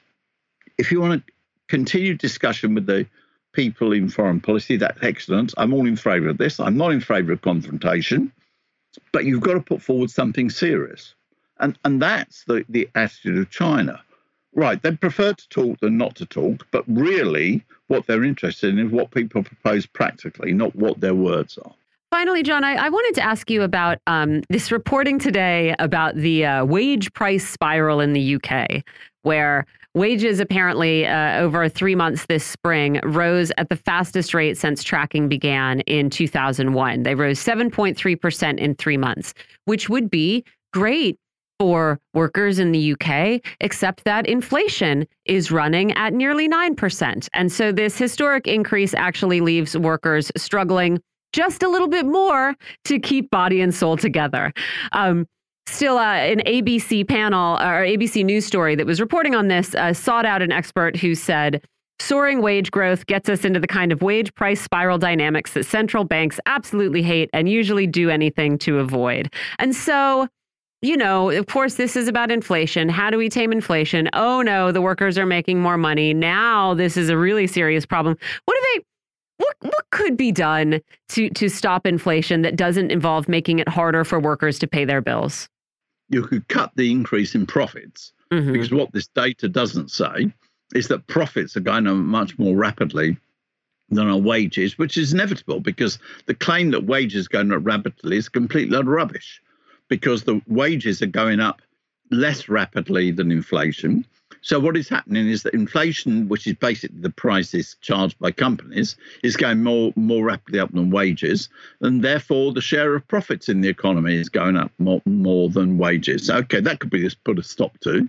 That would be the number one thing, which I do. But they're not very inca- they're not very much in favour of this companies. You know, profits uh, limits. They're very keen to limit wages, but they're not very keen to uh, limit profits. This is nonsense. I mean, the situation in Britain is terrible, absolutely terrible. I looked at the, the International Labour Organization report on real wages for 2023, and real wages in the UK have not gone up since 2005. Yeah. Can you imagine that? That means we've got 18 years with no increase in real wages. And uh, this is absolutely terrible. And it's got nothing to do with what it was causing inflation because throughout, particularly in the last period, profitability and prices are going much more rapidly than wages. It's just a load of rubbish. What they're attempting to do is they're attempting to cut living standards through this thing, and people should see through it. They should say it's absolute nonsense, and they should just push for the highest possible wage increases that they can get, which fortunately some workers are doing. Yeah, amen to that. John Ross, we really appreciate your time. That was author and economist John Ross. Thanks so much for joining us. Hey, John, I have an update before we go to break. I have an update on the BBC presenter Oh, scandal. Yes, yes, yes. Um, well, a, a couple of different things. One, so simultaneously, the young person uh, who is the the subject of these this first complaint right. Is actually saying nothing happened. Yeah, he's at odds with his parents now because the Mhm. parents are saying, "Don't listen to him. Something terrible happened." Yes. And he, I guess, would we? I, I mean, someone I think slipped and said it was. I think some peer actually mentioned that it was a young. Oh, I, I don't know. So I guess we're assuming that this is a young man, even though yesterday's report just said young person. Uh, yeah, he's saying nothing happened. This is between me and my parents. I wish you would stop giving my parents this time. Um, but also simultaneously, another young person has come out uh, to talk about. So this is someone who's in their twenties, right? Right. So there's no crime happening here this person is saying that they were approached by the presenter on a dating app uh, that allowed people to remain anonymous Right. and was pressured to meet up. Then they went to talk on other platforms where you know your identity becomes known. And uh, I guess this person threatened to name the presenter and then got a bunch of um, abusive and expletive filled messages. Which I guess Mm. maybe, I mean, I don't know. I don't know what the content of these messages were. If you're like, hey, Yeah, you know, cool. first interaction you say, I'm going to name and shame you. Maybe you, maybe you get a expletive filled message. Yeah. But the news said that, I mean, this is BBC reporting on it, said that the, uh, the young person was scared by the power the presenter held and that these threats that were made in the messages uh, frightened them. Lawyer says, we have no response. And the police have weighed in from uh, what I can see. Let me get down here. So uh, the police, I believe, have weighed in and they have said that they, um, as far as I can see, they have they have not yet uh, identified any any criminality. So it confirms statement from the police force confirms two point made by the parents of the young person at the center of allegations, but they confirmed that they were contacted in April and that no criminality was identified. Okay, so remains murky. Apparently, yeah. people have figured out who this presenter is, And but I fact, couldn't I saw find. a, a comment uh, in the Sun today saying that literally everybody at the BBC knows who this is, Yeah, but literally everybody has kept quiet. it's likely a sports presenter because they're the ones who make a lot of money. And I think somebody mentioned how much money the presenter is making, so you can narrow Ah. it down to people who are making well, the six Sun figure published salaries. a list and- of what everybody makes there today.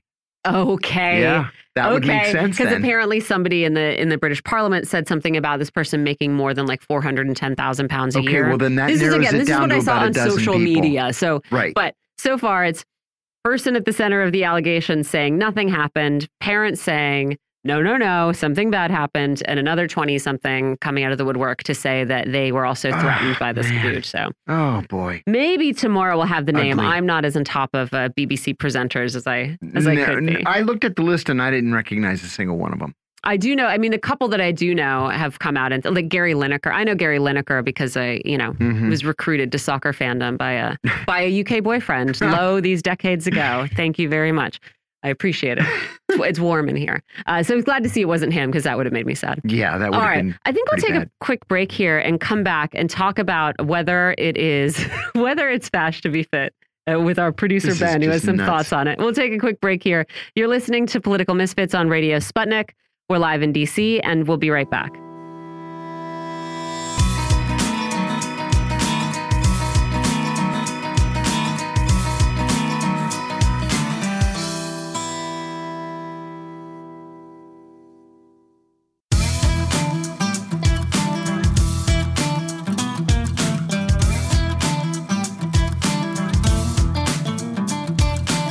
Welcome back to Political Misfits on Radio Sputnik, where we bring you news, politics, and culture without the red and blue treatment. I'm Michelle Witte. I'm here with John Kiriakou and Ben Zinovich, and we're talking about there's been like a over the past year, I would say, maybe you can stretch back a little bit further, but in the past year in particular, there's been a bunch of um, reporting along the themes of uh, there's a Time story here that's headlined uh, The White Supremacist Origins of Exercise. Uh, there's this MSNBC opinion piece that actually first ran uh, in March 2022 that was rerun, I think, yesterday that says pandemic fitness trends have gone extreme. Literally, we, of course, had. Um, the Politico story yesterday about the uh, oh oh what was it frantic fit boy summer side quest? About republic specifically republican presidential campaigns uh, or, or presidential primary candidates you know trying to outdo each other in feats of strength. And so basically it's been a lot of reporting on how uh, body acceptance is left wing and good liberal and good we'll say. And um, fitness and discipline is right wing and bad. And so, this MSNBC opinion piece that got us started on this trend today uh, tells us relatively early on that physical fitness has always been central to the far right. In Mein Kampf, Hitler fixated on boxing and jujitsu, helping them, eh, believing they could help him create an army of millions whose aggressive spirit and impeccably trained bodies, combined with fanatical love of the fatherland, would do more for the German nation than any mediocre tactical weapons training. And when we were talking about this, this idea that physical fitness has been central to the far right and they sort of own it, we thought, I don't know about that. Yeah, I would. I immediately thought of um, one of the first writings of a pretty famous um, Chinese communist uh, named Mao Zedong. Um, so in April 1917, he begins writing for the first time. He's known to write, but the first thing he ever wrote, it wasn't on Marx, it wasn't on Lenin or like a People's War or whatever. It was a study of physical education. Ah. And so it begins Our nation is, is wanting in strength. The military spirit has not been encouraged. To attain our goals and make our influence felt, our external matters results. The development of our physical strength is an internal matter. If our bodies are not strong, we will be afraid as soon as we see enemy soldiers. And then how can we attain our goals and make ourselves respected? So, wait, he's not a fascist. I would say no. I would ask, or I would, uh, you could uh, ask any Japanese or Chinese I mean, if he was fascist. it's it's just so it feels a little bit lazy right i mean i will say the the sort of uh, argument that's presented in this in this msnbc uh, opinion piece about um, fitness is that uh, far right like far right groups are are recruiting through gyms you know and they're they're sure which Very sure, true. yeah, I, there, there's, um, I mean, if you go to a lot of these like CrossFit gyms or jujitsu gyms, they're full of like thin blue line stuff. Um, that I'm blanking. It's sort of the skull mask. oh yeah yeah punisher Yeah, yeah. Mhm. i don't know what the it is, Punisher, Punisher. um, sort of logo. It's just it. It's supposed to be. I think it is actually based off of some like comic book character that is actually technically anti-cop, but it's become like synonymous with the thin blue line. the good vigilante Yeah, yeah, essentially. Um, but you know, I know I have friends here um, in DC who have created gyms separate of that that are you know not they because because of their sort of distaste with all of that sort of culture Mhm. Um, have created sort of alternative types. There's this one in DC called High Style Gym. Mhm. Um, and, you know, they have a big Palestine flag. They're not ones to sort of deal with cops that deal with what we would call the deadly exchange of doing trainings with IDF agents. Mm. Um, they are, you know, explicitly uh, pro Cuba. They're pro like socialism, and they're they're about you know community defense, enabling people because uh, as as essentially Mao says, like how can you really enact the change or defend yourself from at least the the immediate sort of harms of uh, of of fascism or state violence or any sort of uh, capitalist kind of centered uh, violence put on put on by working uh, on towards working people um, without being uh, a little uh, knowing how to run. Yeah, no, no, you I can't, mean, you can't run from the cops if you can't. people recruit through uh, uh, communities. You know what I mean? And for lots of people, gyms are community. It doesn't mean that just because uh, you know there there might be groups out there finding these places and and choosing to use them to recruit that fitness is bad or gyms are bad or that you No. should be antagonized by somebody else's fitness. Just like don't you shouldn't be antagonized by somebody else's veganism. You know what i mean? Just because like maybe make you feel a little bit bad about your choices that's that's your problem. Yeah and it does seem like it it it seems as though I, uh, you know, this this this sort of phrase body fascism like fitness fascism has has risen to describe sort of intolerance for anything but perfection. And so i think there is a sort of uh, liberal reaction against that to be accepting which of course is also good right?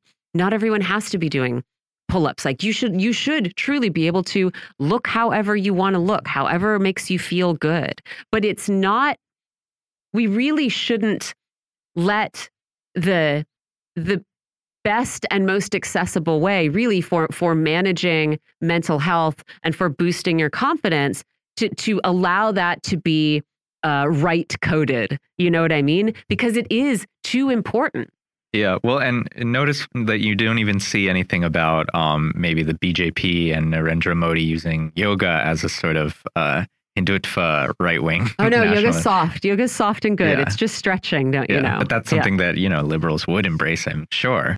But yeah, no, I think it's it's sort of ridiculous, and and just the the fact that there is so many different types of, you know, there's rock climbing, mm. there's mm. lifting weights, there's going on runs, like it's very it's just sort of it's something that you know everyday people we don't have a lot in this yeah, in this world. don't take that and away from people. so it, it's it's not like they're saying like you know using using meth, using heroin, like opiates, becoming a drug addict or drinking. That's not good.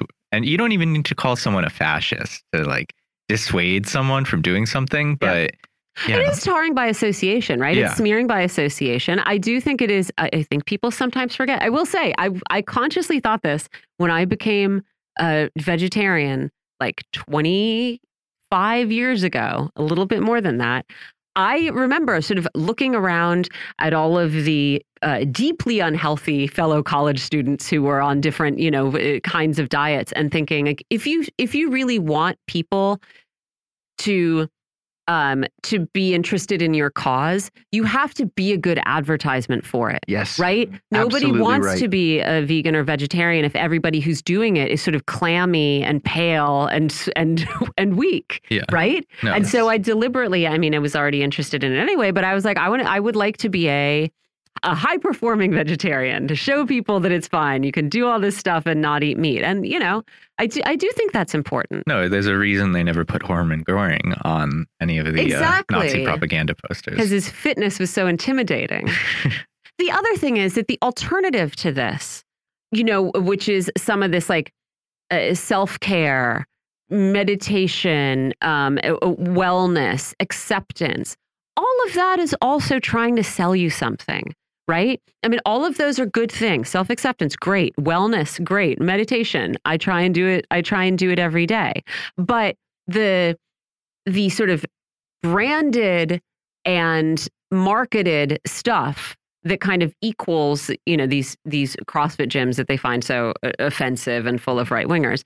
That's just as bad, right? It is still it's still just trying to take your money. It's still just trying to sell you crap that you don't need. It's not solving the problem it's not as though it's not as though you wander into a good, a good alternative where you're going to actually be protected and thrive. It's the same exploitation. Yeah, no, I, I think that it is. It's just one of those things that you're sort of chipping at away at every opportunity to just sort of have people, uh, you know, have an outlet.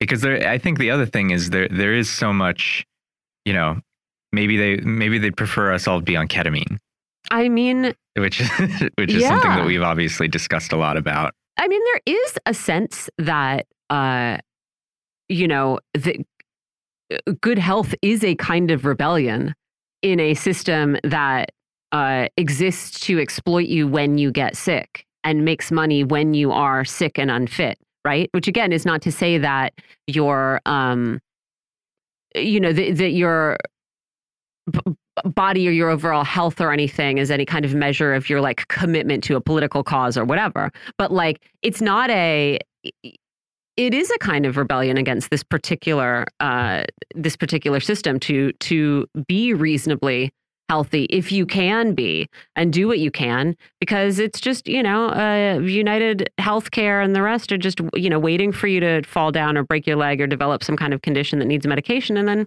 there you go I do want to point out also that Cynthia Miller Idriss, the columnist that wrote this, Mhm. she wrote this March 22nd, 2022. Um, in March 7th, 2022, she wrote, Fighting Russia and Ukraine sadly appeals to racist far right extremists. Oh, But, you know, I think she can afford a little more nuance to Yes. you sharing a gym with a cop versus uh, uh, you fighting and enlisting in a in a in a militia that's side by side with the Azov battalion. yes. Um, she, I mean, that that's not even me saying she might. She says, to be clear, the global far right is by no means unified in support of Ukraine. Many Mm. on the American far right admire yada yada. Like, Mm. I will also say the only places I've ever seen public workout equip equipment, which I found really heartening. It was nice. There's like a little public park and there's like a bicycle and you know all these things they didn't have to be plugged in. They were just sort of like kinetic motion machines. You know, like so, so Yeah. some like be benches to do sit-ups on, but then like different machines where you like move your arms and legs back and forth and stand up. They were in uh, Laos, socialist government, um, and uh, Kazakhstan former member of the Soviet Union, and this is for sure, I think, Soviet era outside uh, public exercise equipment. But you know, I mean, these are not fascist states; these are the opposite, right? These are states that arose as a as a response to fascism or colonization, and and uh, you know they had an interest in their citizens actually being um, fit and healthy. yeah, no, and I think you may see that in the United States, but really only in Chinatowns. And there's like a reason for that because they Mm. essentially import that need for culture and, and of um of physical like a sort of physical fitness culture. I mean, in the in the 20s, that was something that the Soviet Union really prioritized was making sure that sports, which was seen as like bourgeois and just sort of reserved for an, a, a single class, was acceptable to all hmm um, because you know it is something that people want to do. It's not. It's like a form of physical exertion that isn't just built through a wage. It's something that you want to do. You want to have the. Then there was the formation of collective sport, where in you know in in North Korea there's a lot of that, where there's a lot of sort of it's it's the idea that it, it doesn't even ne- necessarily need to be about competition, hmm but you're all doing something in such synchronicity that it shows you know a beautiful It's the same image. reason people or- sing yeah. together. You know what I mean? It's the same people reason people are like transported by singing in a group. There's something very swimming. people yeah. like rit- ritual, right? We respond to it as the sort of beings that we are, and it's important. and and now, like ignore the fact of course that any major competitor to uh, us competitions. We're all you know east germany Mhm. cuba china hmm you know uh, the soviet union. Um and of course they they say oh they're all sort of doped up which is Well, we just yeah, a projection in many ways but but still it it just shows that the the importance of sport especially when you don't have to work more than 40 to 60 hours um a week or a week um you have time to learn Do how to ice things. skate you Mhm. have turn it i i think of um i think a lot of like the the sort of class underlying kind of thing to that to the movie Tonya, but about Tonya Mhm. Harding's story about That's how she was sort of a, a black sheep in in in this very rich girl sport because she was sort of you know whiskey tango in, in a lot of ways and uh and uh yeah I think that it, there there's so many things and so many opportunities that are kept from uh, everyday Americans in terms of sport and sort of physical education that uh, you're just written out of because you either can't afford the bill or I think this is a good point. It's the same with food, right? If you have to work 60 hours a week, right? Even 40 hours a week is a lot to work, people. Let's be let's be honest. It's a lot, especially if you're commuting. Yeah. If you're commuting like an hour on either side, that's too much. That's too much of your life. And it takes away the opportunity to, uh, for a lot of people, if you have any other responsibilities at all, takes away the opportunity to play group sports, takes away the opportunity to pursue, um, you know, solitary hobbies, except for, you know, pick one, takes away the opportunity to actually cook yourself good food make yourself good food in a lot of uh in a lot of instances. That doesn't make those things bad right? And i think that's the line that sometimes uh liberals in particular will cross right? So if you say well actually it is better to eat food that you made at home than to buy something from McDonald's. Like it is better to be reasonably fit than to not be if there is no other reason, right? We're not saying uh, kill yourself to to be a like a fitness model or something. Uh, it it is better, and it's not. You can say that and still acknowledge it, and it's out of reach for most people, and that's why we need to change things. It's sort of the idea that like it's it's cool to be unfazed by dire poverty in the streets and people uh, sleeping rough in the streets, right? It's it's not cool to say this shouldn't be happening. There's a level at which this begins to make me personally uncomfortable and fear feel for my safety. No, no, no. You have to be like that's it's great. Fitness is bad. McDonald's is good. And if you say otherwise, you're you're a fascist. You're bougie. You're you're part of the problem. No, it, this is not a situation that anybody should tolerate. We're not saying that and you're only good if you are able to work part time and uh, and bake your own bread and do all of that. We're saying this opportunity should be available to everybody. The solution isn't to go, no, you're you're bad if you accept the the reality that it's better to eat good food than bad food. And and yeah, and this is all entirely cyclical because then you return to well, why is it that you know cops and all these sort of like largely white upper middle class guys are attending all these gyms because they're the ones that have the time. Mm-hmm. Um, but yeah, I also I, th this also came up. I saw it last night, um, and uh, it, it kind of plays into this. But it, did you see that it's being reported that more than one billion people are projected to have diabetes by 2050? I One did see something billion? like I saw something like a third of the American adult population. Wow. I Yeah, don't. well, Yeah, according to the but yeah. CDC, more than 37 million people in the U.S. have diabetes. Um, 96% of people worldwide who have diabetes in 2021 had type 2. Mm-hmm. Yeah, I mean, this is a this is a policy choice. You know, Yeah, it's entirely. I mean, and and then you wonder, and you and Washington complains why Mexico doesn't want their GMO corn. Yes. yes. No, it is. And so, I mean, I do think, like, uh, to the extent that you can, sure, push back against it. It doesn't make you fascist. And, and also, it doesn't make you, it's not moral to sort of plug your eyes and plug your ears and say, no, no, no. All, all, of- all of this is good. And if you're uncomfortable with it, there's something wrong with you. Yeah, every listener should do 20 squats today. That's right. They're, they're dropping me 20 something dollars, maybe, if you want to. I have one more story for you guys, and I'm pretty sure we're going to talk more about this tomorrow. Uh, it's about Bank of America. Let me tell you a little tale about Bank of America. Bank of America withheld promised perks from some of its credit card customers, double charged overdraft fees, and secretly opened card accounts in customers' names without their knowledge or Boy, does that sound familiar? Uh huh. So nobody learned a lesson from uh, Wells Fargo. Nope. Guess he had to find him more. So Bank of America is getting charged uh, $150 million Good. in fines, which Good. I don't know. I don't know, man. Maybe somebody can look up like Bank of America's total revenues. I feel like a hundred. It is the second largest bank in the United States. I don't know that 150 million dollars It's not is is that much No. money. It's not going to hurt. Yeah. Uh, so they were charging, this is over charging junk fees to customers. I bet that's related to opening up these different lines of, uh, of credit or accounts in their names. And then this, um, these overdraft fees, which Bank of America has been They were Uh, leaders in the whole oh, overdraft movement. for what, like 20 years now. Oh, yeah. Yeah. I used to have an account there. oh, for sure. uh, I've paid these they- overdraft fees. they they charge you to death for everything. Yes, they're saying that people would be uh, they would pay a fee multiple times on basically one overdraft, Mhm. like every time it went somewhere Yeah, else. because they'll they'll put the check through, and if it bounces, they put it through again 15 minutes later. Yeah.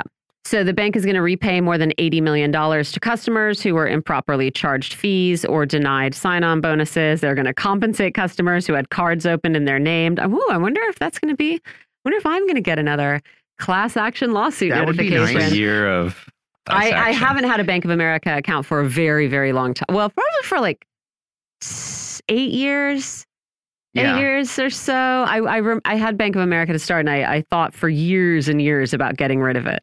And so I closed mine in uh, 12, 2012. because they're terrible. No, no, no. Is that right? Yeah, 2012. they're really terrible. I think we'll talk a little bit uh, about this more tomorrow because we're going to have our um we're going to get the consumer price index numbers for June as well, so we'll see where inflation is here in the United States. Um, the other story that uh, I feel like we should be keeping an eye on is this flooding. Yeah, There this was is bad. All this flooding in the um, Hudson Valley area. Um, but in Vermont, I mean, in Vermont, they're watching to see if a dam's going to burst. Yeah, they took it on the chin in Vermont.